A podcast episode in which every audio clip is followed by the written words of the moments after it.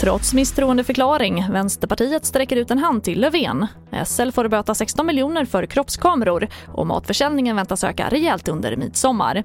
Ja, här är TV4-nyheterna som börjar med att efter att Vänsterpartiet idag har varit med och fällt regeringen Löfven så säger nu partiledaren Nooshi Dadgostar att hon gärna vill se Stefan Löfven som statsminister och inte en borgerlig regering och sträcker därför ut en hand till Löfven. Vänsterpartiet kommer ta ett mycket stort ansvar i de här kommande dagarna vi är öppna för samtal, diskussioner, förhandlingar. Vi sträcker nu ut en hand och eh, vi vill gärna att Stefan Löfven ska återkomma som statsminister, men utan marknadshyror. Och samtidigt meddelade idag Liberalernas partiledare Nyamko Sabuni att hon vill se en borgerlig regering. Mitt besked idag är att vi i talmansrundor eller vid ett extraval, om det blir ett sådant utlyst, kommer eftersträva en borgerlig regering. I borgerligheten finns en bredare samsyn. Här är låsningarna färre.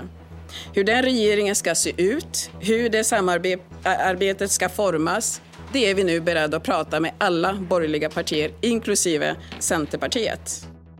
Och nu har Stefan Löfven två val. Antingen väljer han att avgå och då ber talmannen utse en ny statsministerkandidat eller att utlysa extraval och då måste valet hållas inom tre månader och han har fram till efter midsommarhelgen på sig att ge besked.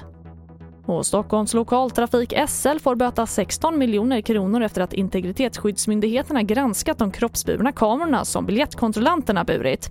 Kontrollanterna har burit kamerorna i trygghetsskapande syfte och att bära kamerorna bryter mot dataskyddsförordningen. Och det riktas även kritik mot att SL brustit i sitt sätt att informera om kamerabevakningen. Och vi avslutar med att kommande veckan fyller vi våra varukorgar med sill, glass och jordgubbar i rekordtakt. Enligt Svensk Handel så väntas matförsäljningen öka med 14% under midsommarveckan, vilket motsvarar 900 miljoner kronor. Och den summan får avsluta TV4-nyheterna. Jag heter Charlotte Hemgren.